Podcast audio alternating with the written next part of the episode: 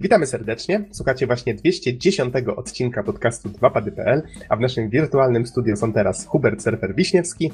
Cześć. I Marcin Easy Kołodziej. Cześć, cześć. A mówi Adam Noxa 15 Dębski. Nagrywamy w poniedziałek 22 lutego 2016. W tym odcinku podcastu będzie jeszcze nagrywał z nami Bartłomiej Donsot-Tomycyk i główną atrakcją tego odcinka jest recenzja gry Firewatch, ale pojawi się też dużo pierwszych wrażeń surfera, nowszych i starszych, bo przypomnę, że w tej chwili składamy podcasty z materiałów nagranych no, w różnym okresie. I teraz y, surfer, z tego co tutaj widzę w moich notatkach, będziesz mówił o, no tutaj lista jest dość pokaźna, będziesz mówił o Tom Clancy's The Division, będziesz mówił o Gravity Rush, o Street Fighter V, a z kolei z tych starszych pierwszych wrażeń, które nagraliśmy na początku stycznia, jeszcze e, opowiesz o Star Wars Battlefront, o Forzie Motorsport 6, o Rise of the Tomb Raider, NFS-ie nowym i o Undertale, czyli wow, trochę, trochę tego jest, więc może przejdźmy już do rzeczy, a po tym wszystkim, tak jak wspomniałem, Recka Firewatch. Czyli dużo, dużo dzisiaj. No to tylko powiem, że pierwsze wrażenia będą nie tylko moje, dlatego że akurat kilka z tych gier udało mi się ograć razem z Izim, więc na pewno Izzy tutaj też doda kilka słów od siebie. Więc może, żeby za mocno nie przeciągać, przejdźmy do The Division. No i na stronie Xbox Live mamy Informacje. Nowy Jork pada ofiarą pandemii, z którą władze miasta nie mogą sobie poradzić. W ciągu zaledwie kilku dni bez dostaw żywności i wody społeczeństwo popada w chaos. Nadchodzi czas, aby aktywować oddział złożony z tajnych agentów. Tylko oni mogą zaprowadzić porządek. Agenci, którzy pozornie zwyczajne życie są szkoleni specjalnie, aby kiedy już wszystko zawiedzie, działać samodzielnie i bez rozkazów. Walcząc przeciwko upadkowi społeczeństwa, bohaterowie sami zostaną wplątani w spisek i zmuszeni do walki nie tylko z efektami stworzonego przez człowieka wirusa, lecz także z, roz z rosnącym zagrożeniem, które się za nim kryje. Mm, więc mieliśmy okazję ograć I to jak rozumiem, koniec, betę. koniec cytatu, tak? Koniec cytatu. E, mieliśmy okay. okazję ograć otwartą betę. Ja na konsoli Xbox One, Easy chyba z tego co pamiętam na PC. E, tak, e... ja jeszcze w sumie, jak była zamknięta beta, to mi się udało chwilę pograć, więc. Ale bądź co bądź, tylko na PC. Tak, gra, gra jeszcze będzie oczywiście miała swoją premierę na konsoli PlayStation 4. No i um, oczywiście nadal jesteśmy przed premierą. Otwarte beta testy były w tym tygodniu. E, no i cóż mogę powiedzieć? Z mojej strony wygląda to tak, że gra wygląda przede wszystkim cudownie, więc od strony wizualnej jest naprawdę świetna. Mm, jest to taki e, shooter z, trzeciej, z perspektywy trzeciej osoby, online, z elementami RPGa, e, czyli jak strzelamy w przeciwników, wyskakuje dużo cyferek, mamy dużo możliwości zbierania ekwipunku, jakieś konfigurowania go, ulepszania i tak dalej. Więc jest to taki troszeczkę dla mnie Borderlands w takim bardziej rzeczywistym e, settingu. Przy czym, e, no, z mojej perspektywy, wygląda to dosyć nudno. Pograłem, no sądzę, że godzinę. I przyznam szczerze, że e, w każdej chwili miałem z tyłu głowy takie, taką myśl, że kurczę, nie chcę się w to grać, wolałbym pograć coś innego. Więc jest to gra, która zapewne trafi jednak do wielu osób, bo marketing jest taki dosyć, dosyć pokaźny mm, i zapewne wielu osobom się spodoba. No, ale jak na razie mnie nie przekonało. Jakie jest twoje zdanie, Easy? E, wiesz co, ja tak jeszcze e, uzupełnię, bo może e, porównanie do Borderlandsa nie jest, nie jest zbyt fortunne. Według mnie lepiej by było to porównać do Gears of War, ponieważ to jest typowy cover shooter. Innym słowem, biegamy od osłony do osłony, szybko się przemieszczamy, zabijamy przeciwników. Jeszcze, co warto dodać, to to, że zarówno deweloperem, jak i wydawcą jest Ubisoft i dlatego też nie podchodziłem do Division mm, ze zbyt wysokimi oczekiwaniami, dlatego bo wszyscy pamiętamy jak wyglądało z Watch Dogs i z paroma innymi gierkami od nich, ale y, osobiście nie zawiodłem się.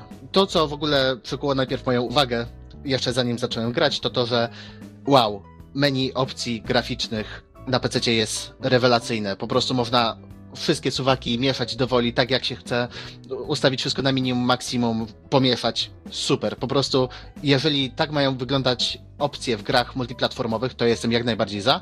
Tym bardziej, że nawet zapowiedziano opcje graficzne dla konsol, dzięki czemu będzie można wycis wycisnąć parę dodatkowych klatek, które jednak w shooterach się przydają. Czyli ktoś w końcu poszedł po rozum do głowy. Rany. I to Ubisoft, czaisz? Trochę, trochę to zajęło. E, no to brzmi całkiem ciekawie, zobaczymy co z tego wyjdzie. Kiedy premiera? E, możecie Z, przypomnieć? z tego co widzę na wiki 8 marca 2016. Tak jest, 8 marca, ale nie zdziwiłbym się, gdyby, gdyby trochę przesunęli, bo tak jeszcze oczywiście mówię o menu, a powiedziałbym coś o samym gameplayu, prawda? Y, Ja akurat nie grałem samemu, grałem ze znajomymi, więc powiem tak. Chwilę pobiegałem samemu, było strasznie nudno. Pobiegałem ze znajomymi, było bardzo fajnie. Według mnie, jeżeli ktoś miałby zostać przy tym trochę dłużej, to właśnie gracze, którzy będą mogli ze swoimi znajomymi albo znajdą sobie jakieś, jakąś małą społeczność, z którą będą, będą mogli wspólnie ciorać, bo inaczej ta gra się szybko znudzi. Biegasz od osłony do osłony, wykonujesz te same zadania, te same misje. Co prawda są dosyć, dosyć efekciarskie, są wybuchy, są pościgi, jest, jest wszystko, ale jednak dla jednego gracza to jest za mało. I według mnie The Division może być grą pokroju e, Destiny, pod tym względem, że zarówno gracze, którzy lubią PvE, jak i ci, którzy lubią PvP, znajdą coś dla siebie i co więcej, zawartość dla obu tych typów rozgrywki uzupełnia się wzajemnie, przez co to będzie taka dobra gra, żeby. Mm, nie wiem w co zagrać. A, odpalę sobie The Division. Po prostu. Boję się, że początek marca skończy się mniej więcej tak, że hej Nox, czy kupujesz The Division? A. Czy gramy razem? No, u, u mnie już wśród znajomych jest straszny hype na to. Nie do końca rozumiem, ale w nie kupię prędzej czy później. Mhm. Okej, jeszcze wrócimy do tego tematu, myślę. E, Przejdźmy w takim bądź razie do Gravity Rush. To, ta gra akurat mnie bardzo ciekawi, więc surfer opowiadaj. No to u mnie z Gravity Rush zaczęło się od tego, że przez wiele miesięcy leżała na PS Vicie ta gra i jakoś e, nie mogłem się zmotywować, żeby ją ruszyć. Mm, Przy czym w ostatnim czasie usiadłem na chwilę, pograłem i powiem szczerze, że po godzinie grania stwierdziłem, że kupuję wersję na PS4, więc oczywiście tutaj mamy do czynienia z lepszą grafiką, lepszym framerate'em, e, mamy 1080p, 60 klatek na sekundę. No do tego gra oczywiście ma poprawioną jakość tekstur, e, filtrowanie tekstur i tak dalej, i tak dalej, więc e, wszystko wygląda dużo ładniej Widzę, niż na że PS premiera, widzę, że premiera w Europie na PS4 była 5 lutego, czyli całkiem niedawno. No tak, czyli niewiele ponad dwa tygodnie temu. Kolejka na Vita to już, no, to, to był, widzę, luty, luty, ale w 2012 w Japonii. Trochę minęło czasu. Tak, więc e, w grze kontrolujemy bohaterkę o imieniu Kat, pisane przez K, e, która przy pomocy swojego kota em, tajemniczego ma moc zmiany grawitacji, więc może e, na zmianę sobie przeskakiwać, nie wiem, ze ścian na sufity i tak dalej, i tak dalej, więc możemy tutaj kontrolować ją w taki sposób. E, No i walczymy oczywiście z potworami, dzieją się tam różne, różne ciekawe rzeczy. Nie chcę tutaj za mocno może wchodzić w mm, szczegóły fabularne, żeby nie spoilerować, ale sama rozgrywka to jest taka, no powiedziałbym, platformówka z, e, z perspektywy trzeciej osoby. Do tego jest dosyć dynamiczny system walki. Mamy dużo ulepszeń. E, Fabuła jest prowadzona w dosyć fajny sposób, bo e, jest przerywana fajnymi mm, slajdami, takimi jak z komiksu, więc to naprawdę fajnie wygląda. No i muszę przyznać, że bohaterka jest przeurocza. To znaczy, z charakteru Kat jest świetna. Mam nadzieję, że mm, ten jej urok pozostanie do końca, ale powiem szczerze, że to jest jedna z najmocniejszych e, rzeczy, jeżeli chodzi o tę grę, czyli właśnie główna bohaterka. No i do tego mamy dosyć ciekawy stylistycznie świat. Wystarczy sobie poszukać e, jakieś screeny czy, e, czy filmiki z tej gry, to od razu mm, no widać, że to jest Gravity Rush. Po prostu jakąś stworzyli swoją stylistykę, która się kojarzy już z tą grą. Do tego jest super muzyka, chociaż dosyć mocno powtarzalna, bo niestety w danej części miasta leci cały czas w kółko ten sam motyw, więc to się może troszeczkę przejeść. No i co, wykonujemy misje główne, mamy misje poboczne, do tego w wersji remastered na PlayStation 4 mamy dostęp do wszystkich trzech DLC, które na PlayStation Vita były płatne. Tutaj mamy je bezpłatnie. E, Do tego dochodzą oczywiście dodatkowe stroje dla bohaterki. No i jak na razie wszystko wygląda bardzo dobrze. E, Kilka godzin, tak jak mówiłem, za mną. Jak przejdę, na pewno będzie recenzja, ale jeżeli do tego czasu, do samego końca gra utrzyma e, ten wysoki poziom, to uważam, że naprawdę warto grę kupić, szczególnie, że nie jest jakoś super droga. No i przy okazji tutaj to jest taka promocja już można powiedzieć serii, bo Gravity Rush 2 zostało zapowiedziane w zeszłym roku. Wygląda jeszcze fajniej, jeszcze lepiej, bo to już będzie ekskluzywnie na konsolę PlayStation 4. No więc zobaczymy, co będzie dalej, ale jak na razie jest bardzo fajnie. I z tego co widzę na wiki, sequel ma wyjść w tym roku. Chyba tak, ale y, wiesz, jeżeli się porówna y, gameplay z jedynki z dwójki, to jest niesamowita przepaść. Jednak y, grając w jedynkę czuję się, że to jest port gry z przenośnej konsolki. I jeżeli chodzi o taką prostotę rozgrywki i troszeczkę tego świata, widać, że po prostu to nie jest gra na, stworzona na duże konsole, ale i tak gra się bardzo fajnie, więc hmm, jeżeli rzeczywiście rozwiną mocniej ten pomysł dwójce, a na to wygląda, no to może nam się stworzyć naprawdę fajna seria, więc y, no, więcej na pewno w recenzji. Mm-hmm.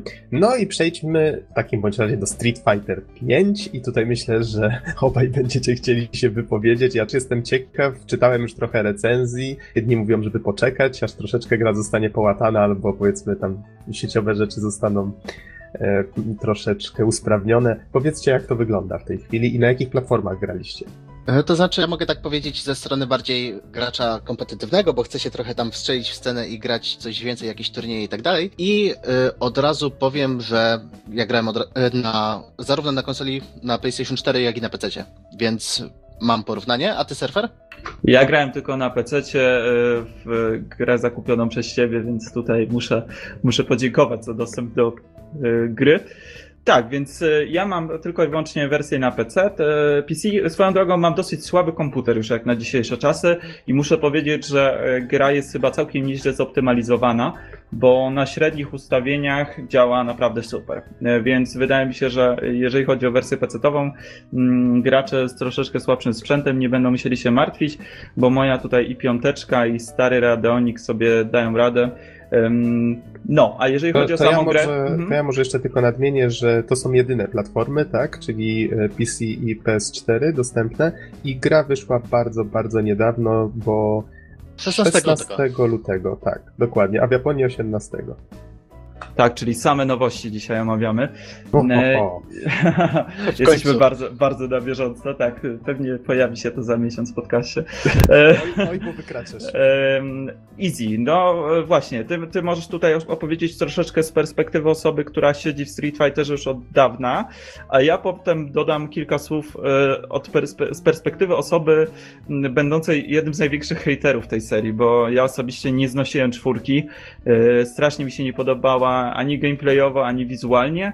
No ale e, może najpierw powiedz ty kilka słów od siebie. To znaczy, mm, wyjdźmy od tego, że ogólnie mocno zmieniono system względem Ultra Street Fightera, ogólnie całego Street Fightera 4, co według mnie jest bardzo na plus. Jeżeli ktoś jest nowy, ktoś chce po prostu wejść z przytupem w, w nową część, to jest gra dla niego. Dlatego, bo to trochę wyrównuje, wyrównuje poziom między prosami a nopkami, że tak powiem, dlatego, bo bardzo dużo takich ukrytych technik, które nie były tłumaczone nigdzie, nigdzie nie było na ekranie ich widocznych y, i były po prostu trudne mechanicznie do zagrania, w sensie wyklepania przycisków na, y, na jakimś kontrolerze, zostało usuniętych. Zupełnie ludzie z Capcomu powiedzieli dziękujemy wam, do widzenia, oby nigdy do zobaczenia. I właśnie mechanicznie jest super, gra się świetnie, po prostu jest zmieniona dynamika walki, jest y, może trochę wolniej, ale za to jakby to powiedzieć, po prostu y, nie ma czegoś takiego, że jeżeli ktoś nas złapie w combo, to tylko dlatego, że potrafi,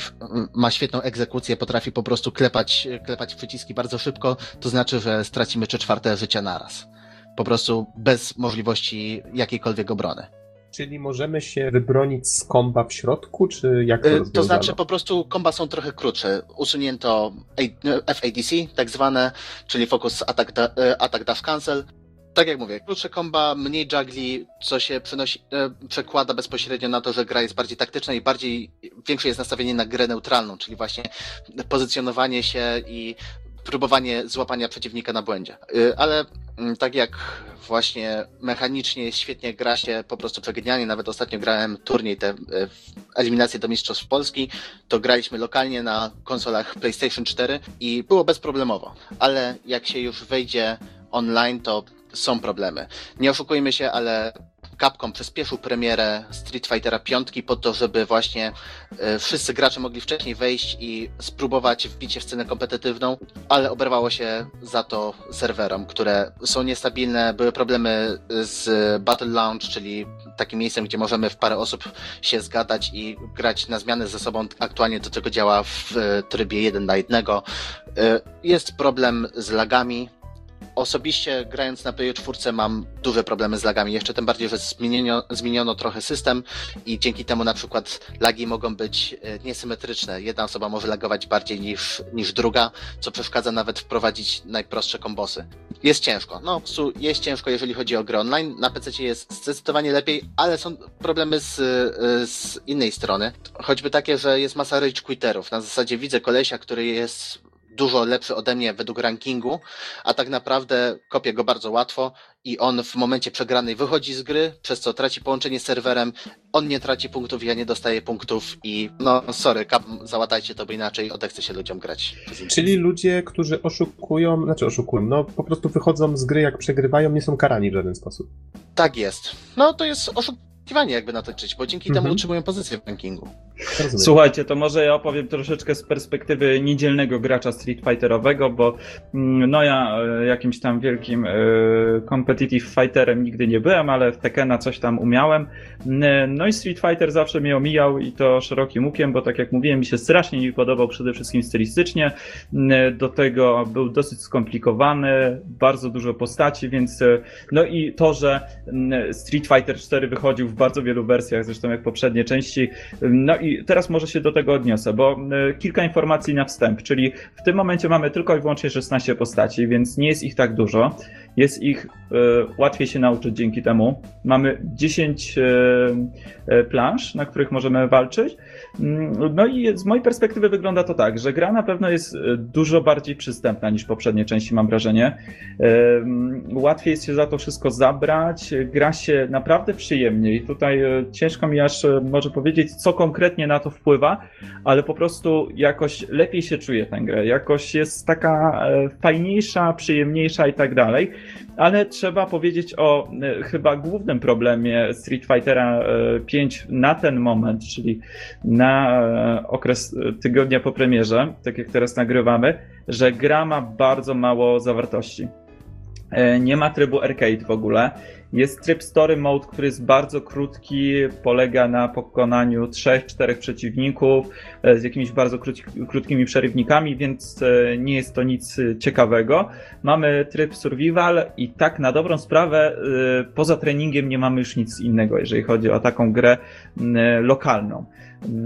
Versus nawet nie ma opcji walki z komputerem, więc biorąc pod uwagę, że jeszcze do tego dochodzą problemy z serwerami, to poza graniem kanapowym ciężko sobie wyobrazić, żeby Street Fighter miał kogoś przykuć na dłużej w tym momencie, ale tutaj od razu powiem, jak wygląda polityka Capcomu, bo ona się dosyć mocno zmieniła, jeżeli chodzi o Street Fighter 5, czyli już nie będzie Street Fighter 5 Ultra Ultimate HD Edition, Yy, to ma być taka platforma do grania, którą będą rozwijać, więc co miesiąc będą nowe yy, dodatki, co miesiąc będą nowe postacie, które można kupić za walutę, którą zdobywamy w grze, do tego będą dochodzić nowe tryby, story mode będzie chyba w czerwcu, z tego o ile dobrze pamiętam, więc ta gra będzie rozwijana i wygląda na to, że, że będzie coraz lepiej, ale na tę chwilę jest pod tym względem dosyć słabo. Ale to, co najważniejsze, już kończę Easy, widzę, że chcesz wejść mi słowo, ale poczekaj jeszcze chwilę. E, to, co jest najważniejsze, to to, że gra się naprawdę dobrze w grę. Więc e, to, co jest najważniejsze, długoterminowo, długofalowo jest zrobione naprawdę super. No a czekamy tylko i wyłącznie na rozwój tej gry, bo na razie jest to taka trochę wersja alfa. Oddaję Ci głos Easy tak tylko słowem komentarza co do ilości postaci, to to według mnie jest bardzo dobry zabieg, bo z 40 paru postaci zeszliśmy właśnie do tych, do tych 16, które są aktualnie, ale dzięki temu każda postać jest inna, inaczej się gra i to naprawdę czuć, że zmieniono naprawdę od pierwszego Street Fightera to jest po prostu pierwszy Street Fighter, w którym widzę, że Ryu i Ken to są dwie różne postacie, a nie tylko Ricolor. I to jest coś. Y, I jeszcze y, odnośnie problemów z serwerami, to powiem tak, że Capcom walczy dzielnie, naprawdę dzielnie, dlatego, bo już wyszły trzy pacze, takie po ich stronie, po stronie serwerowej 17, 20, 19 i 21, więc praktycznie co drugi dzień łatają i starają się wyeliminować jak najwięcej błędów i rzeczywiście gram codziennie ostatnio online i codziennie widać poprawę. Mm, Okej, okay. W takim razie może faktycznie za miesiąc to się będzie skusić, przynajmniej tak z mojej perspektywy, tak? Bo widzę, że jesteście bardzo zadowoleni już teraz. Bardziej tak, to znaczy jeżeli takie granie kanapowe i tak dalej, to ja myślę, że za 2-3 miesiące bardziej, jak wyjdą dodatkowe postacie i no i będzie po prostu więcej kontentu. Ale okay, sądzę, że rozumiem. recenzję na dwóch padach będziemy robić za miesiąc. Przynajmniej taka jest moja propozycja, e, żeby już zobaczyć właśnie jak ten pierwszy e, dodatek tutaj zmieni grę, e, jak to wszystko będzie wyglądać. Wtedy też będzie dostęp do sklepu w grze, bo na razie nie ma możliwości nawet wydawać waluty, którą zdobywamy, więc nie możemy kupować skórek, nie możemy kupować innych bohaterów, bo jeszcze ich nie ma. Więc zobaczymy, jak to wszystko w marcu będzie wyglądać, no i wtedy będziemy na pewno informować na bieżąco. Okej. Okay. A póki co przechodzimy do materiałów nagranych wcześniej i przypomnę, że będą to pierwsze wrażenia surfera z różnych gier wydanych w 2015 i recenzja gry Firewatch, która wyszła całkiem niedawno, już patrzę, to był 9 luty. Tak więc zapraszamy na kolejne pierwsze wrażenia i na recenzję. W wirtualnym studio są teraz ze mną Bartłomiej Donsot-Tomycyk. Halo, halo. I Hubert Surfer Wiśniewski. Cześć. A mówię Adam Nexa 15 Dębski, nagrywamy w niedzielę 3 stycznia 2016. I teraz będziemy mówić a właściwie ty, surfer, będziesz mówić o pierwszych wrażeniach z kilku gier, kilku czy kilkunastu, bo w sumie jak podałeś tę listę, to aż się przeżegnałem, szczerze mówiąc. Co ty ostatnio grałeś, że aż tak dużo tego jest? E, no, okres świąteczny troszeczkę zachęcił do wypróbowania różnych gier i okazało się, że w sumie po trochu liznąłem albo, albo trochę, albo trochę więcej. Bloodborne'a, Final Fantasy VII w HD, Undertale, Persona 4 Dancing All Night, Star Wars Battlefront, Forza Motorsport 6, Rise of the Tomb Raider, e, tegorocznego Need for Speeda, Diablo 3 w edycji na PlayStation 4 i Raymana, e, już mówię, którą część? Rayman Legends. Ale nie o wszystkich grach będę dzisiaj opowiadał. Wybrałem tylko te, które udało mi się. Dobrze, dobrze że to dodałeś, tak? Tak, więc te, które są według mnie dosyć ciekawe, dlatego że są świeże i budzą wiele różnych emocji, więc odpuszczę sobie e, gadanie o Final Fantasy VII HD czy Persona 4, 4 Dancing All Night, e, którą ustaliliśmy, że będziemy recenzować w najbliższym czasie, bo już udało mi się ją skończyć i platynować, więc dzisiaj nie będę o tej grze opowiadał. Opowiem troszeczkę więcej na pewno z Izim, który już miał okazję też u mnie troszeczkę pograć tę grę, więc będziemy e, opowiadać, co nam się tam podoba, a co się nie podoba. A dzisiaj troszeczkę takich tytułów wydaje mi się szerzej dostępnych dla wszystkich, takich, który, którymi interesują się wszyscy, czyli będzie trochę Battlefronta, e, trochę różnych wyścigów i tak dalej, i tak dalej. Mm, Okej, okay. to od czego chcesz zacząć? Zacznę od Star Wars Battlefront, szczególnie, że niedawno mieliśmy premierę nowej części w kinach. Swoją drogą tutaj serdecznie polecam. Byłem w kinie już dwa razy i za drugim razem podobało mi się nawet bardziej, więc polecam siódmą część Star Warsów. Też byłem, też polecam. No i ja miałem okazję. Też, też. A ja byłem i nie polecam. Nie, no, znaczy, to akurat jest bardziej złożona sprawa. Znaczy, na pewno film jest warty zobaczenia, ale jako, że teraz nie recenzujemy filmu, przejdźmy dalej. Oczywiście, więc udało mi się ograć Star Wars Battlefront i to w dwóch wersjach, na PlayStation 4 i Xbox One. No i pierwsze, co się rzuca w oczy, to oczywiście przepiękna grafika. Ta gra naprawdę no, wyznacza nowe standardy, jeżeli chodzi o grafikę. Silnik EA Frostbite jest no, rewelacyjny. No niestety widać troszeczkę różnicę między wersją Xboxową a PS4. Z tego co wiem, wersja Xboxowa działa w troszeczkę niższej rozdzielczości, więc e, jest to dosyć mocno widoczne. Jest bardziej rozmyte to wszystko, mniej wyraźne i tak dalej, ale nadal robi to ogromne wrażenie. E, do tego jest świetne udźwiękowienie i klimat, więc wszystkie te piu-piu blasterów, mieczy świetlnych, głosy postaci i tak dalej, to wszystko jest naprawdę rewelacyjne, więc to stwarza taką spójną całość. Gra się w to właśnie tak jakby rzeczywiście było się w jakimś filmie i jest to naprawdę fajne. Niestety na mojej liście jest dużo więcej wad. E, niż zalet i właściwie zalety na tym się kończą, co wymieniłem. Gra ma bardzo słaby tryb dla jednego gracza. Praktycznie on jest nieistniejący, bo jej z jakiegoś powodu zdecydowało się zrobić tę grę praktycznie tylko online, więc w trybie dla jednego gracza mamy kilka nudnych misji. Samouczek, który, no tam jest chyba pięć różnych samouczków, gdzie w jednym latamy jakimś statkiem, w drugim tam wykorzystujemy jakiegoś bohatera i tak dalej, i tak dalej, więc jakieś takie podstawy, ale generalnie z tego mało i do tego dochodzi tryb hordy. No, jedyne co jest dobre z trybem hordy to to, że możemy y, grać na split screenie. Oczywiście split screen nie działa tak płynnie jak samemu granie, ale, ale przynajmniej jest. Chociaż też niestety po kilku razach się nudzi. Online to offline to jedno, y, na którym się nie skupili, ale co z online, skoro to był ich taki główny target. No i niestety tutaj balans jest dosyć słaby. Są mapy, na których rebelianci praktycznie nie mają szans z Imperium. Do tego, Czyli jak powinno być.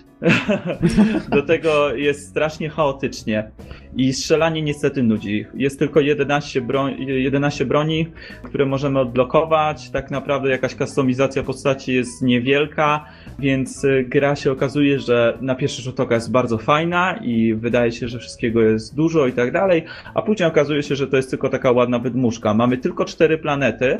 Teraz w darmowym DLC doszła piąta tak więc, no dobrze, jest już ich pięć, chociaż w podstawowej wersji były cztery.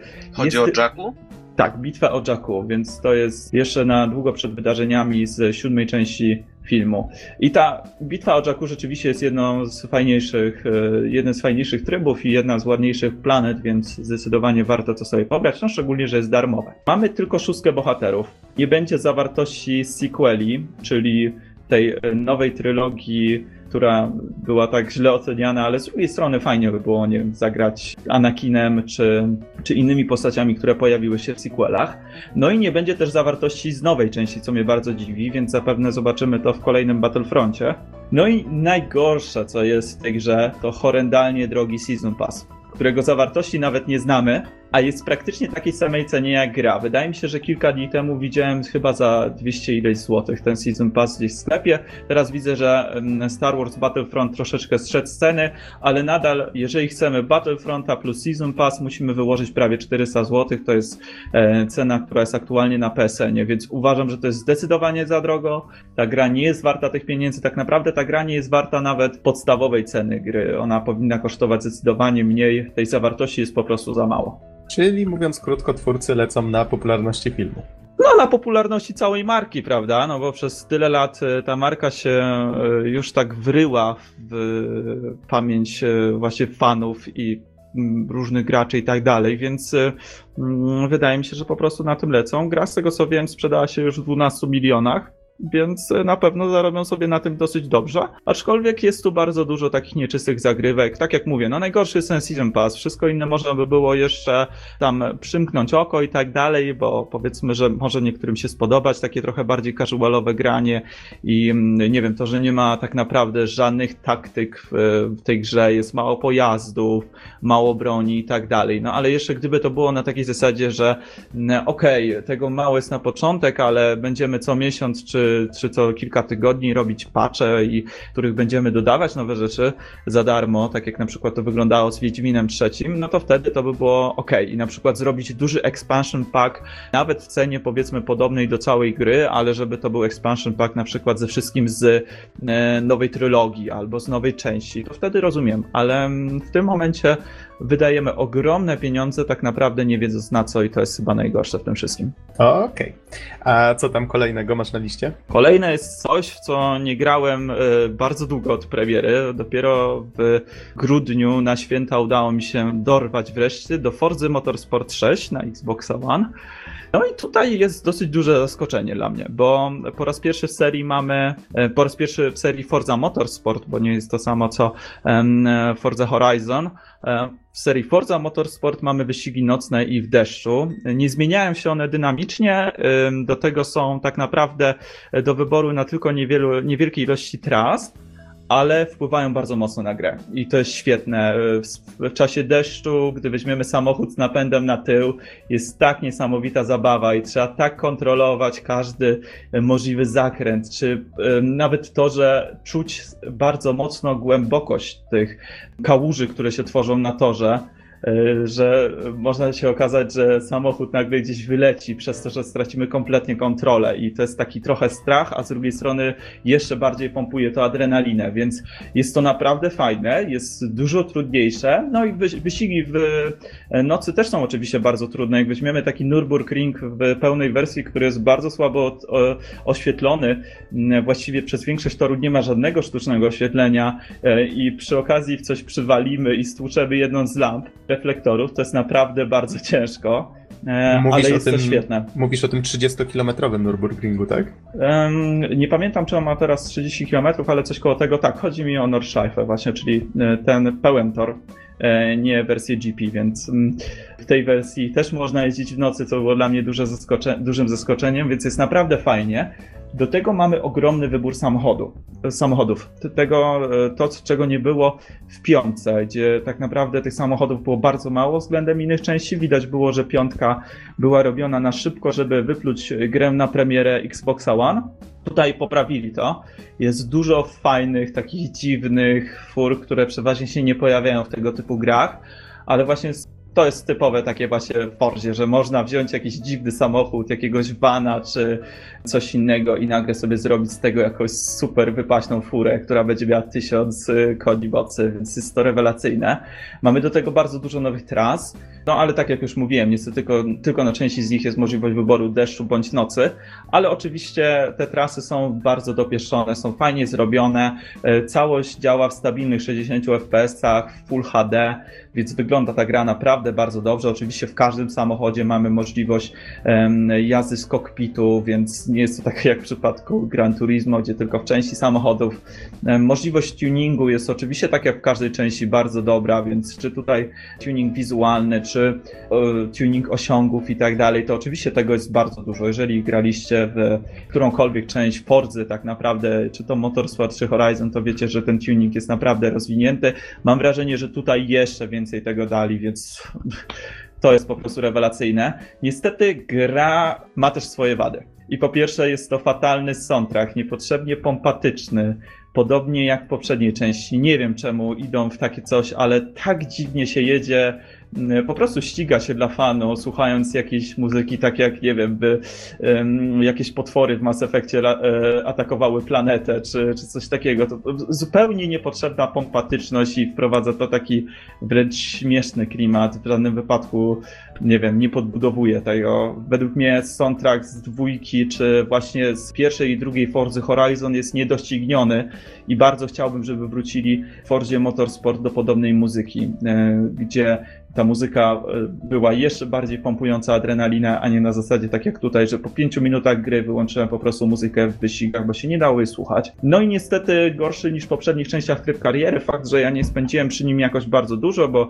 grę pograłem kilka godzin, ale e, mamy możliwość wyboru danego działu wyścigów, tak jakby, czyli nie wiem, weźmy na przykład jakieś wyścigi samochodów z lat 80. powiedzmy. E, I mamy serię wyścigów, przy czym stwierdzasz sobie po trzecim, że okej, okay, teraz mam ochotę przejechać jakimś superwozem, nie wiem, jakimś nowym Ferrari. I okazuje się, że w karierze nie możesz tego, masz, możesz to zrobić, ale porzucisz cały stan, który udało ci się zrobić w tych wyścigach z lat 80. Yy, e, więc albo musisz dokończyć te wyścigi, przemęczyć się w nich i wybrać inną serię wyścigów później, albo y, porzucić to, co już zdobyłeś. To jest dla mnie bardzo dziwne, bo znowu tutaj przytoczę e, Forza Motorsport 2, gdzie ta kariera była taka bardzo luźna, można było sobie w każdym momencie wybrać to, co się chciało. I według mnie czegoś takiego powinni się trzymać. No tutaj niestety jest to trochę gorsze, ale de facto na samą rozgrywkę to oczywiście nie wpływa negatywnie, bo w samą grę się gra po prostu fenomenalnie. Więc e, jest to zdecydowanie duży krok w całej serii. Naprawdę mi się podoba i no, wiem, że trochę monotematycznie, ale naprawdę po raz kolejny polecam Forzę każdy, każdemu fanom wyścigów czy, czy posiadaczom konsoli Xbox One, bo zdecydowanie jest to najlepsza część od wielu lat. I teraz idzie zima, surfer jako wielki pan Forzy będzie palił w piecu Gran Turismo. Siup, kolejne pudełko, siup.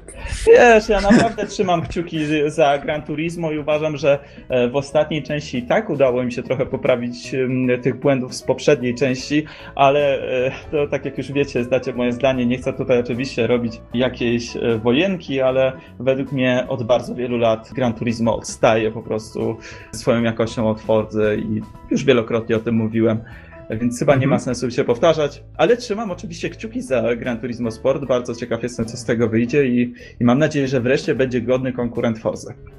Okej, okay. nie e... wiem ile jeszcze rzeczy masz na liście, ale chyba musimy przyspieszać. Dobra, jeszcze trzy dosyć krótkie. Rise of the Tomb Raider na Xboxa One. Mm, jeszcze jest. Czy, czyli przyszedł Sylwester, grałeś w grę. No akurat w święta grałem w Tomb Raidera, A. więc e, trochę nie wyszło, ale powiedzmy, że było blisko. E, akurat Sylwestra grałem w inną grę. e, w każdym razie to, co e, e, rzuciło mi się w oczy w Tomb Raiderze, to oczywiście cudowna grafika. E, tutaj Nox kiedyś wspominałeś, że miałeś okazję pograć jego nowego Tomb Raidera i że nie, nie, nie zrobiło jakoś na tobie wrażenia i powiem szczerze, że... to było tylko kilka minut, więc... Właśnie, moje pierwsze wrażenie było podobne, dlatego, że tam jest taki moment w, w górach, w Śnieżycy i rzeczywiście ta gra wygląda troszeczkę jak z zeszłej generacji. Swoją drogą gra oczywiście jest e, na starej i nowej generacji Xboxów, więc nie robiło to jakiegoś wrażenia, ale później jak już przenosimy się do Syrii e, i mamy takie klimaty troszeczkę jak z Uncharted 4 na pust- z Uncharted 3, przepraszam, na pustyni, e, no to wtedy gra rzeczywiście wygląda świetnie. Jeżeli chodzi o oświetlenie, o elementy cząsteczkowe i tak dalej, to tego jest po prostu, jest to tak dobrze wykonane, że robi to ogromne, ogromne wrażenie. Gra chodzi też bardzo stabilnie w 30 FPS-ach. No i co mogę powiedzieć? Pograłem tak naprawdę ze 3-4 godziny, więc to, co jest na plus, to zdecydowanie możliwość rozwoju Lary, dokupowanie nowych e, strojów, nowego sprzętu, ulepszanie łuku, broni i tak dalej, więc to jest chyba dosyć mocno rozwinięte względem poprzedniej części. Jednak do tej pory, jak na razie, dosyć nudna fabuła i trochę sztampowe postacie. Nadal nie czuję się jakoś zaintrygowany losem Lary, tak jak na przykład jestem bardziej zaintrygowany postacią Natana Drake'a z Uncharted, więc tutaj jak na razie nie robi to jakiegoś wielkiego wrażenia, no ale wiadomo, że jeszcze dosyć dużo przede mną, bo to jest dopiero pierwsze kilka godzin. I tutaj um, warto dodać, że fani serii będą mogli na PC pograć prawdopodobnie jeszcze w styczniu. Chyba pod koniec tak, miesiąca. W, w styczniu tego roku, na PlayStation 4 chyba w grudniu ewentualnie pod koniec roku 2016, więc niestety e, gracze PlayStation będą musieli troszeczkę poczekać. Kolejna gra, o której chcę opowiedzieć jeszcze kilka słów, to jest Undertale. E, jest to RPG w, stary, e, w stylistyce starych gier, opowiadające historię dziewczynki, która trafiła do świata potworów. Jest to dosyć krótka gra indie, chyba zrobiona nawet przez jedną osobę. Z tego co wiem, osoba odpowiedzialna za fabułę i gameplay i tak dalej odpowiada nawet za soundtrack, więc chyba to jest um, robione wszystko przez jedną osobę. Z tego co mi się tam obiło o uszy. Jeżeli już o muzyce mówiłem, to muszę powiedzieć, że jest piękna, klimatyczna muzyka. Prawdopodobnie jest to najlepszy albo jeden z najlepszych soundtracków tego roku. Wprowadza w niesamowity nastrój. Do tego, mimo tej swojej um, stylistyki um, oldschoolowej, ta gra naprawdę świetnie bawi się odczuciami graczy i um, to, że w jednym momencie czujesz niepokój, zaraz czujesz się jak w domu i czujesz takie ciepło, a zaraz siedzisz i śmiejesz się z różnych absurdalnych sytuacji i tak dalej. Gra naprawdę potrafi dosyć mocno tutaj wpływać na odczucia. Do tego jest system walki, w którym nie musimy nikogo zabijać. Walki są prowadzone dosyć, dosyć specyficzny i śmieszny sposób, bo przeważnie polega to na tym, że kursorem musimy unikać jakichś ataków e, przeciwnika. Przeważnie są to jakieś żartobliwe ataki czy, czy dialogi, które się rozgrywają między potworami a postacią gracza. No i co? I to chyba tyle. Powiem szczerze, że nadal nie rozumiem trochę fenomenu tej gry pod tym względem, że wielu e, recenzentów czy wielu graczy okrzyknęło ją grą roku, tak w ogóle od, od tak. E, nie sądzę, żeby to była najlepsza gra tego roku jak na razie, ale, ale zdecydowanie... Kilka razy już powtórzyłeś tego roku, mamy 2016, zeszłego roku. no daj spokój, jest dopiero 3 stycznia, jeszcze się nie przestawiłem, że już mi bliżej do 30 niż do 20, nie musisz przypominać. No w każdym razie zeszłego roku, tak, e, zdecydowanie nie jest to jeszcze w moich oczach gra e, jakaś najlepsza z zeszłego roku, ale jest to zdecydowanie ciekawa produkcja, więc mam e, nadzieję, że uda mi się jakąś taką króciutką recenzję zrobić, jak już przejdę, a prawdopodobnie jestem już blisko końca. No i już ostatnia gra, o której będę mówił, to jest nowy Need for Speed na konsoli Xbox One. A jeżeli Taka mogę jest nazwa, się- nowy Need for Speed. w stylu ta, Nintendo. Ta, ta, ta gra nazywa się po prostu Need for Speed, więc to już jest chyba trzeci Need for Speed, który się nazywa Need for Speed. A to jeszcze jedno pytanko, nim przejdziesz Mhm. do Need for Speeda, który się nazywa Need for Speed. Który E, jest nowy. Który jest nowy. jest nowy. E, Czy Nie ten Under- stary. Nowy. e, Tutaj wspominasz o pierwszych wrażeniach. Czy w takim razie w Undertale też grałeś tylko chwilę, czy miałeś okazję skończyć w całości? E, wiesz co, chyba mam 4 godziny, więc Aha, to tak- jestem, jestem prawdopodobnie przed ostatniej lokacji, chyba że coś mnie zaskoczy, ale z tego co gra tutaj mm, w różnych momentach e, przypomina, to prawdopodobnie jestem już pod sam koniec, mm, więc sądzę, że niedługo będzie jakaś króciutka recenzja, sądzę, że nie będę się e, długo rozpowiadał na temat tej gry, ale ale jest ona ciekawa, jest na pewno coś ciekawego, coś co tak burzy em, pewne takie sztampy growe, że ta gra się bawi tak naprawdę burzeniem czwartej ściany i, i troszeczkę robieniem sobie żartów z całych mechanik gry i tak dalej i tego, że się spodziewasz zupełnie czegoś innego, co dostajesz tak naprawdę, więc e, jest to zdecydowanie jedna z ciekawszych gier. Mhm, Okej. No i przejdźmy do tego New Need for Speed na konsolę Xbox One, też zeszłoroczny już Need for Speed. No i tutaj znowu cudowna grafika. To jest gra od EA, e, także działająca na nowej Nie. wersji, e, także działająca na nowej wersji silnika Frostbite, więc robi to super wrażenie. Do tego mamy e, rewela- rewelacyjne możliwości tuningu wizualnego. Najbardziej znane na świecie firmy robiące bodykity e, występują w tej grze, więc jest to pierwsza gra, z którą spotkam się, w której można poszerzać te samochody i robić pełne bodykity, tak jak one wyglądają naprawdę. Nie ma tego nawet w Fordzie czy w Gran Turismo takim, aż takich możliwości, więc dla wszystkich fanów takiego mocnego tuningu czy driftu i tak dalej jest to naprawdę coś fajnego. Ale znowu po króciutkiej liście zalet muszę przejść do wad, których jest bardzo dużo. Niestety brak możliwości zatrzymania gry. Do tego gra jest always online. Szkoda, e, chociaż tak naprawdę nie ma to żadnego odzwierciedlenia w grze. No poza tym, że jakieś tam listy najlepszych wyników się update'ują na bieżąco, to nie, nie ma takiej możliwości, żebyśmy sobie pojeździli z kimś czy coś takiego. A z drugiej strony jesteśmy zmuszeni do tego, żeby jeździć cały czas, będąc podłączonymi do sieci. Swoją drogą, przez jakąś około godzinę grania już mnie raz wyrzuciło, więc było to bardzo irytujące. Okazało się, że musiałem przejechać kilka kilometrów znowu i obejrzeć jeszcze raz scenkę, bo pod koniec scenki straciłem połączenie z serwerami jej, więc jest to dosyć duża wada.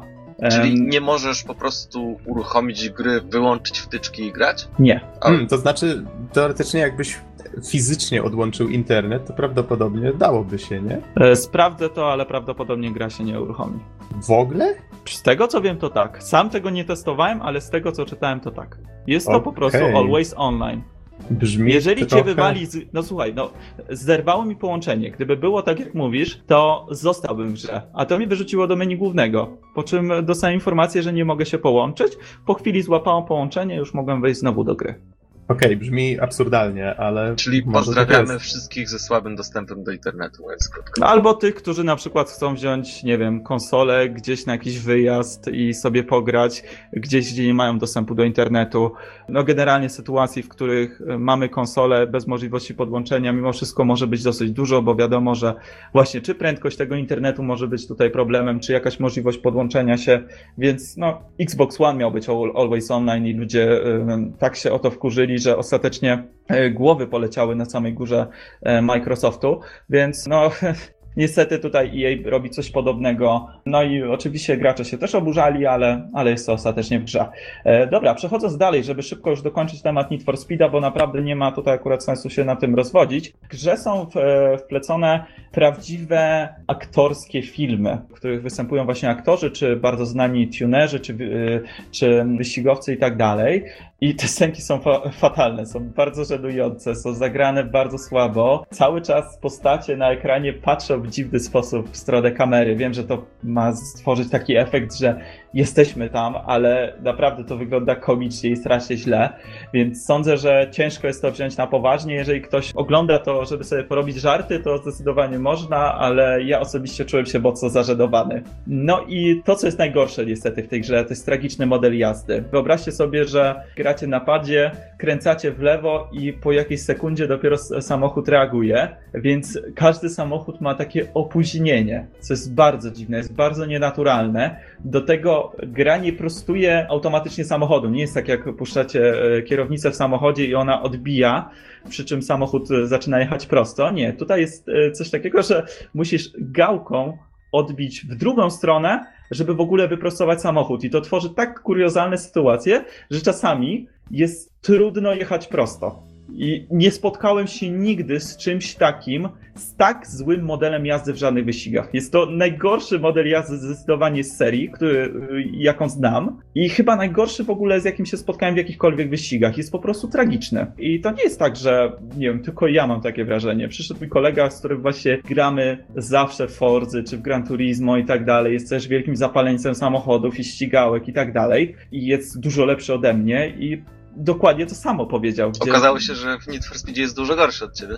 Wiesz co, jesteśmy chyba tak samo źli. Po prostu po, kilku, po kilkunastu minutach grania dzisiaj było tak, nie, ty grasz, nie, ja nie chcę, weź ty graj. I okej, okay, to włączmy Battlefronta, bo po prostu jest to tak złe, że ja się zastanawiałem, czy to, nie wiem, czy to nie jest jakiś lag spowodowany właśnie połączenie z serwerem, czy, czy coś takiego ale jest to no, niewyobrażalnie złe. No, trzeba by było to samemu zobaczyć, samemu spróbować, bo gdyby mi ktoś powiedział coś takiego, to bym w życiu nie uwierzył, że tak można to spieprzyć.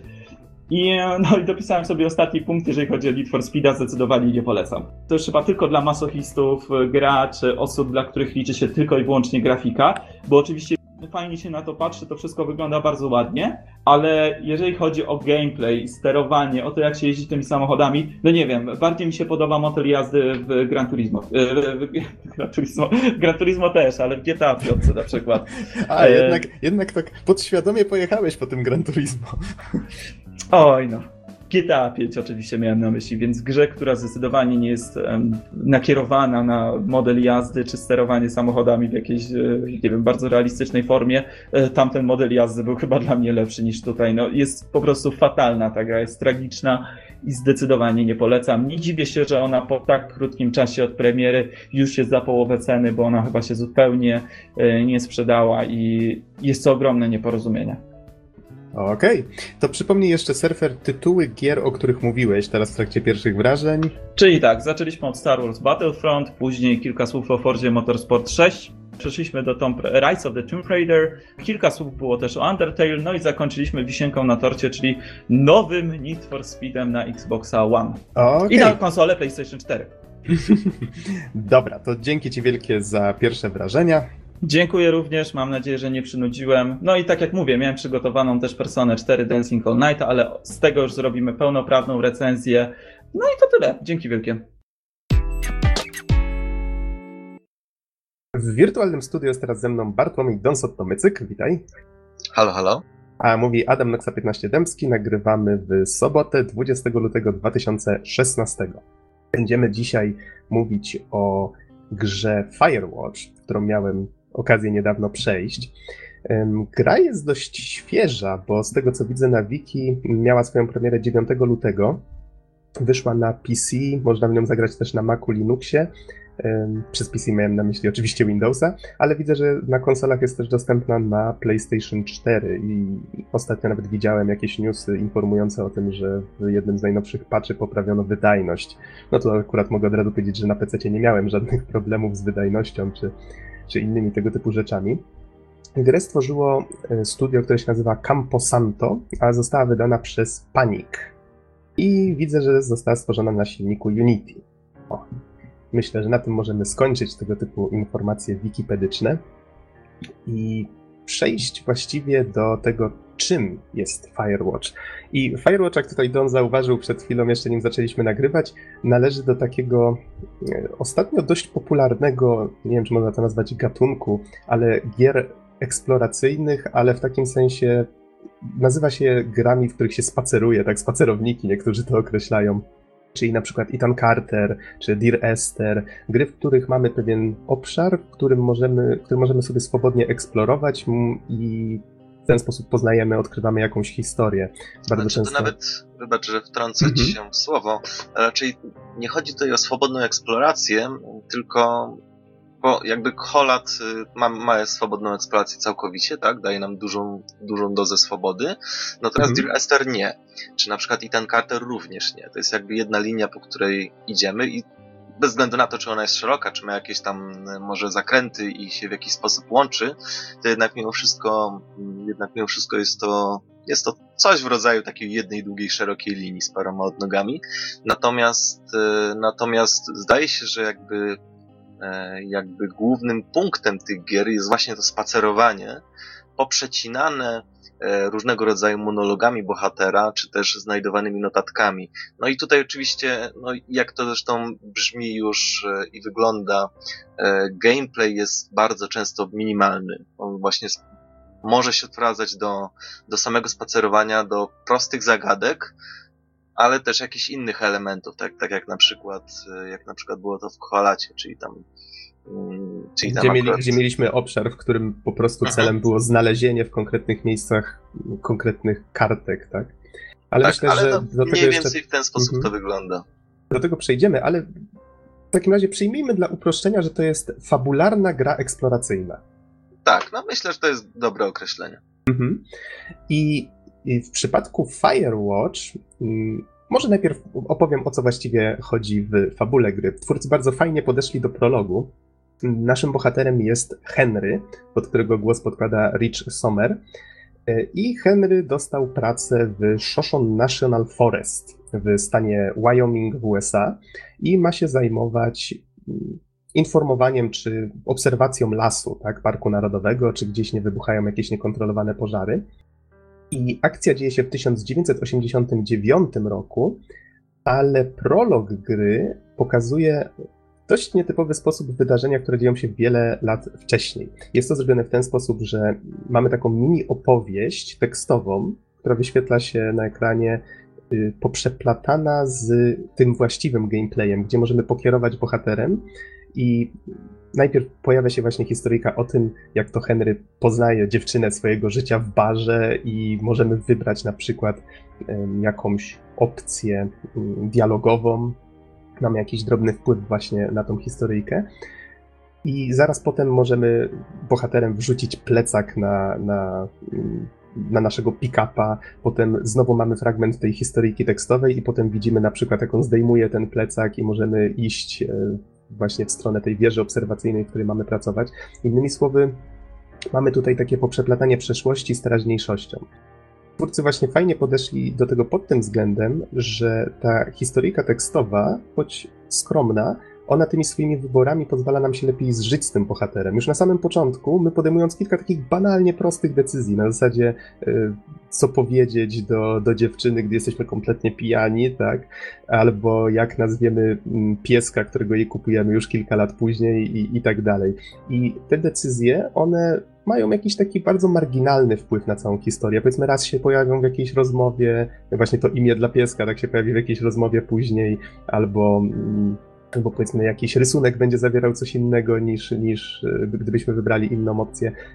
Mimo to te drobiazgi pozwalają nam już na początku lepiej zżyć się właśnie z Henrym i sprawić, że tak traktujemy tę historię bardziej osobiście, tak? Bardzo mi się to spodobało. Nie będę zdradzał, jak ten prolog się, jak, jak on przebiega, tak? O czym opowiada, bo przyznam, że nie miałem zielonego pojęcia, że on że będzie, nie było go chyba w materiałach żadnych publikowanych wcześniej i myślę, że nie warto go spoilować.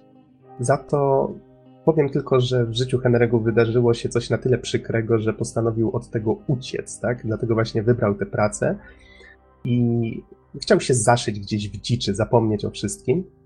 I właśnie na końcu tego prologu docieramy do wieży strażniczej, która od tej pory jest domem Henry'ego. No i jak wchodzimy do środka, to przez walkie-talkie odzywa się Delilah. Delilah, pod którą głos podkłada Cici Jones, jest naszą szefową i ona stacjonuje w wieży, która, którą widzimy na horyzoncie. Jeżeli spojrzymy w odpowiednie miejsce, to widzimy właśnie drugą bliźniaczą wieżę, w której świecą okienka. No i już po tej pierwszej rozmowie rozpoznajemy, że rozmowy między tą dwójką, dialog między tą dwójką, jaki będą toczyć przez całą grę właściwie, to jest główne danie całej tej przygody.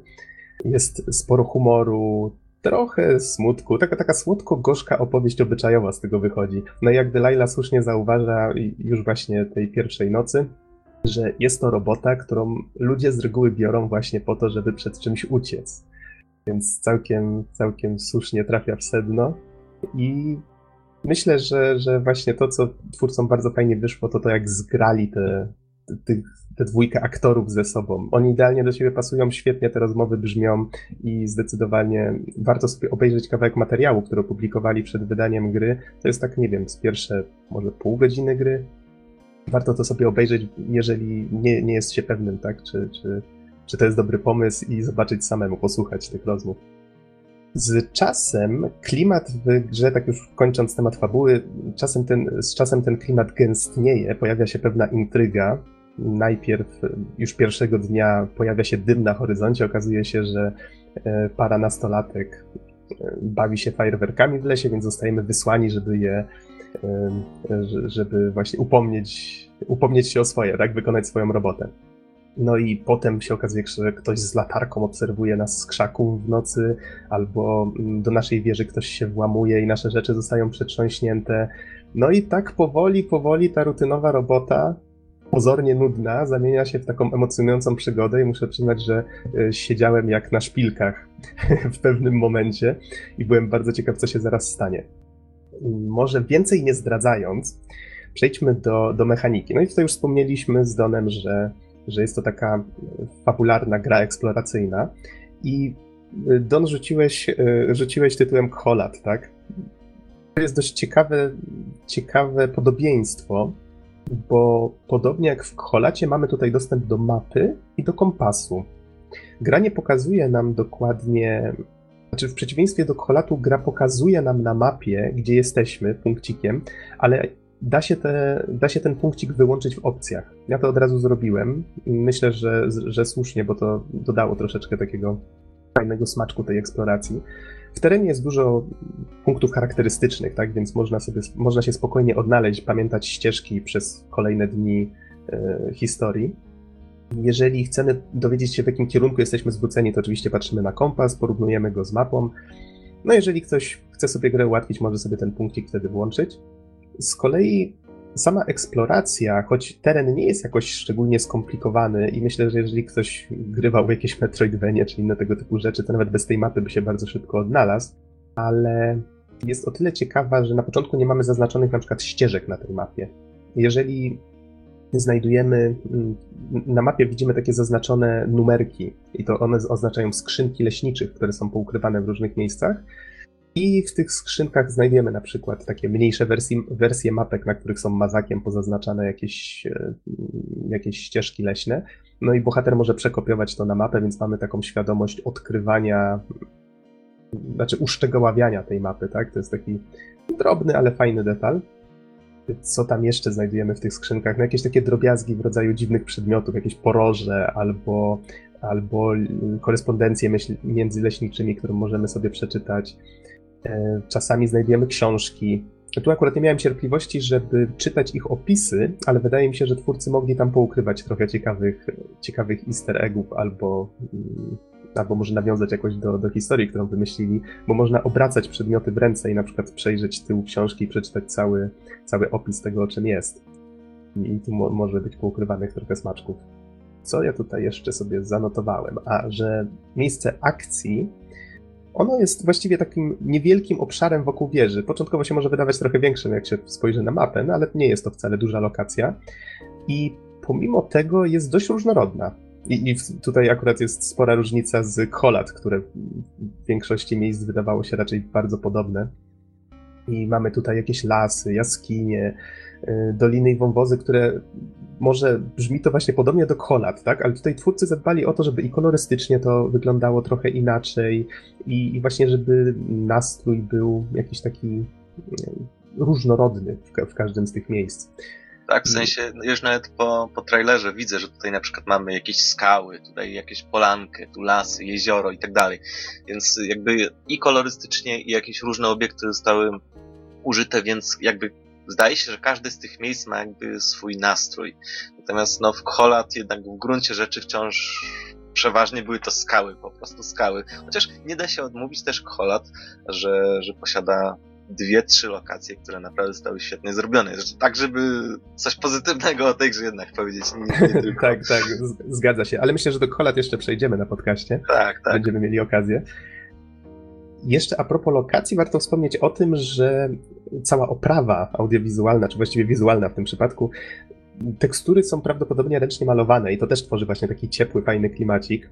Okolica jest dzięki temu bardzo barwna.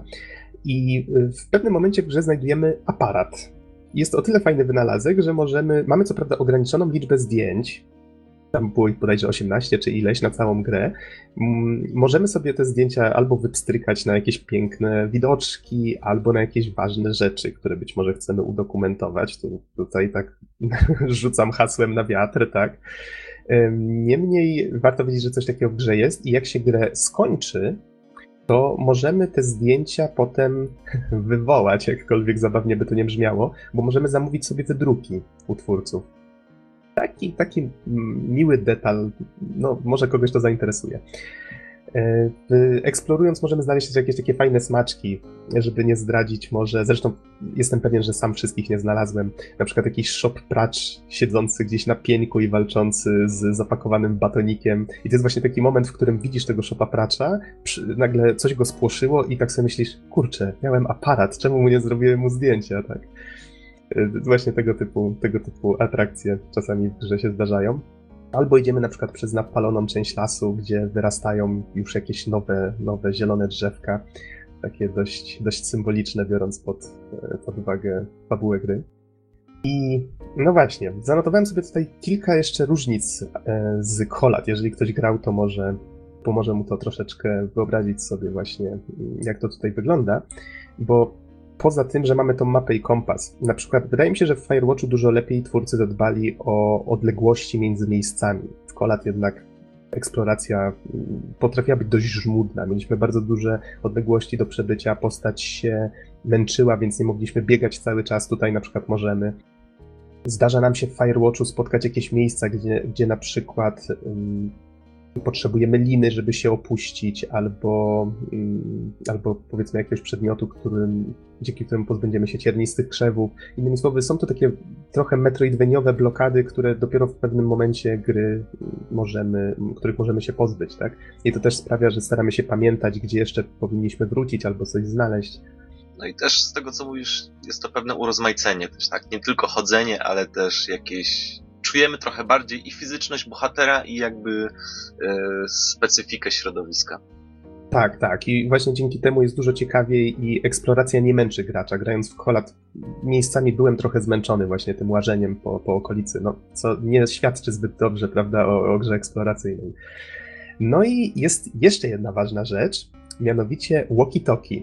I to jest coś, o czym powinienem wspomnieć dużo wcześniej, bo to jest to jeden z najważniejszych feature'ów, jedna z najważniejszych opcji w tej grze. Ona polega na tym, że mamy właśnie to radyjko, z którym się kontaktujemy z Delilą jeżeli wskazujemy na coś i pojawia się napis na ekranie, czyli na przykład wskazujemy na podrapane przez niedźwiedzia drzewo, tak, i widzimy podrapane drzewo, no to możemy przytrzymać jeden przycisk, który służy do podniesienia walkie-talkie, a drugim przyciskiem wybier- przeskakujemy między opcjami dialogowymi. Bardzo prosty system, zatrzymujemy się na tej opcji, która nas interesuje, puszczamy przycisk walkie-talkie i wtedy postać zaczyna mówić. I tam pyta, Delilah, widzę tutaj podrapane drzewo. I ona wtedy zaczyna nam opowiadać właśnie, że tam Henry, Henry to przecież tylko grizzly, tak? Tylko uważaj, bo ludzie czasem znikają w tych lasach. No więc te, tego typu historyjki też się tutaj zdarzają. To, to radyjko, warto z niego korzystać, bo bardzo dużo rozmów w grze zostało zaszytych właśnie w ten sposób. Bardzo dużo narracji, właśnie, właściwie cała narracja gry jest oparta na, na tym radyjku. I warto pytać Delilah właśnie o, o rzeczy, które się napotyka. To jest, myślę, jedna z fajniejszych rzeczy w tej grze. I to też jest coś, czego w Kolacie trochę zabrakło. Tam mieliśmy ten klimat takiego, że, że jesteśmy sami w dziczy, że jest tylko wiatr wieje, wilki gdzieś tam są w odległości, a tutaj z kolei jest dużo przyjemniej, dużo łagodniej, mamy z kim porozmawiać. Właściwie rozmowa toczy się niemal bez przerwy. Więc pod tym względem jest to taka duża różnica w klimacie. No i myślę, że jeszcze warto wspomnieć o soundtracku. Skomponował go Chris Remo i jest to takie, są to takie melodie ni to wesołe, ni to, ni to smutne. Głównie gitarowe brzmienia idealnie pasują właśnie do wędrówki po zalesionych dolinach i bardzo dobrze podkreślają to, co, co dzieje się na ekranie. I myślę, że nim, nim już skończę recenzję, to jeszcze wspomnę o jednym takim takiej ciekawostce. Właściwie wydało mi się to dość interesujące, że twórcy zdecydowali, że w grze achievementy będą przyznawane tylko za właściwie zakończenie gry, tak? Mamy kilka achievementów, każdy za jakiś tam rozdział historii i jak ją kończymy, to po prostu mamy już wszystkie zdobyte. I wiem, że niektórym może się to wydawać dziwne, ale mnie się to wydało bardzo fajnym pomysłem, bo tak sobie, właściwie zajrzałem do tych achievementów dopiero jak grę skończyłem, bo taki mam zwyczaj. I tak pomyślałem, że to jest takie proste i genialne rozwiązanie. Przecież w grach, w grach eksploracyjnych, czy właściwie w grach fabularnych, gdzie mamy jakikolwiek wpływ na historię, możemy wybierać kwestie dialogowe i tak dalej, y, twórcy, twórcy dają nam achievementy, które zachęcają nas do tego, żeby eksplorować różne ścieżki powiedzmy The Walking Dead, tak, że zrobiliśmy to, albo zrobiliśmy tamto, albo w Heavy Rainie tak samo. Jeżeli ktoś powiedzmy uwielbia achievementy kolekcjonować, zbierać te calaczki, no to wtedy musi przejść wszystkie te ścieżki, czasami wbrew sobie, tak, bo to nie zawsze jest ciekawe. A tutaj twórcy stwierdzili, że chromolić to zróbmy po prostu tak, żeby ktoś nie myślał o tych achievementach, niech się skupi na odgrywaniu roli, niech robi, niech podejmuje wybory, które go interesują, niech nie myśli tak o tym, że, że jest graczem, który coś tam musi skolekcjonować koniecznie. I myślę, że to jest dość odważny ruch, bo być może niektórzy spojrzą na to i stwierdzą, e, nie ma ciekawych achievementów, tak? Ale wydaje mi się, że to dla tej gry i dla tego typu gry to jest bardzo, bardzo słuszny wybór i mam nadzieję, że więcej twórców będzie, będzie raczej rezygnować z nadmiaru achievementów zamiast wrzucać je na siłę, tak? I już podsumowując, chyba że masz do mnie jakieś pytania. Możesz podsumować spokojnie. Mm, gra starczyła mi tak na 4-5 godzin. Przeszedłem ją właściwie w jedną noc. Usiadłem, tak mnie wciągnęła, że siedziałem do wpół do szóstej, co mi się już dawno nie zdarzyło, a przynajmniej od kiedy mam pracę, tak mając tą świadomość, że następnego dnia muszę lecieć do roboty i tak siedziałem i chciałem ją skończyć, więc to już o czymś świadczy. E, kosztowała mnie 20 euro, czyli na tę na chwilę to jest chyba tak między 80 a 90 zł strasznie ta wartość euro skacze ostatnio, więc tutaj ciężko określić. Mam nadzieję, że się w Polsce ukaże w pudełku w pewnym momencie. Nie, nie wiem, czy w ogóle Właśnie istnieje miałem wersja. o to zapytać, szczerze mówiąc. Bo ja akurat lubię, lubię sobie zbierać fizyczne kopie, no, wartych, wartych tego giera Firewatch właściwie już od samego początku, tak jak wiele innych zwróciło moją uwagę. Mhm. Już po Ja- samym trailerze. Ja już przed premierą zastanawiałem się właśnie, czy opłaca mi się kupować grę na Steamie, czy nie poczekać na wersję pudełkową, ale jak szukałem, to chyba nigdzie jej póki co nie ma, choć nie wątpię, że w pewnym momencie się pojawi, bo już teraz gra jest, już teraz chyba odnosi swoje pierwsze sukcesy, dużo osób ją docenia, więc jestem pewien, że kiedyś trafi do sklepu. No i to jest, to jest produkcja, którą chciałbym mieć na półce, przyznaję. I wydaje mi się, że tak słowem końcowym warto wspomnieć, że pomimo tego, że jest w tej grze taki dreszczyk emocji, o którym wspomniałem, tak, pojawia się ta intryga, ta adrenalina, to mimo to gra nadal pozostaje tym, czym jest na początku, czyli taką świetnie napisaną historią obyczajową. Są w niej pewne nieścisłości fabularne, albo tak mi się wydaje, być może to są takie rzeczy pozostawione specjalnie, żeby ludzie spekulowali yy, i właśnie były tam jakieś takie drobne zgrzyty, że nie wiadomo, yy, żeby trzeba było sobie coś dopowiedzieć. No niemniej po ukończeniu miałem, miałem wrażenie, że kilka tam rzeczy było tak wytłumaczonych no ja- jakby twórcy, jakby twórcy powiedzmy coś zmienili na ostatnią chwilę albo coś. Niemniej jest to bardzo dobrze napisana historia, świetnie, świetnie balansująca właśnie naszymi emocjami, świetnie wpływająca, y, świetnie prowadząca akcja, o może tak to ujmę. I no cóż, jeżeli chcecie poznać taką fajną historię obyczajową o dwójce ludzi, którzy na końcu świata, zranieni przez życie, mogą ze sobą rozmawiać tylko na odległość, tak jesteście ciekawi, co z tego wyjdzie, no to kupcie Firewatcha, myślę, że, że warto. I to tyle ode mnie, jeżeli, jeżeli o to chodzi. Więc jeżeli Don nie masz żadnych pytań, to, to myślę, że na tym możemy skończyć recenzję Firewatcha. Ja jak najbardziej polecam. To już wszystko na dzisiaj. Dziękujemy Wam bardzo za uwagę i do usłyszenia w następnym odcinku. Trzymajcie się. Na razie. Do usłyszenia, cześć.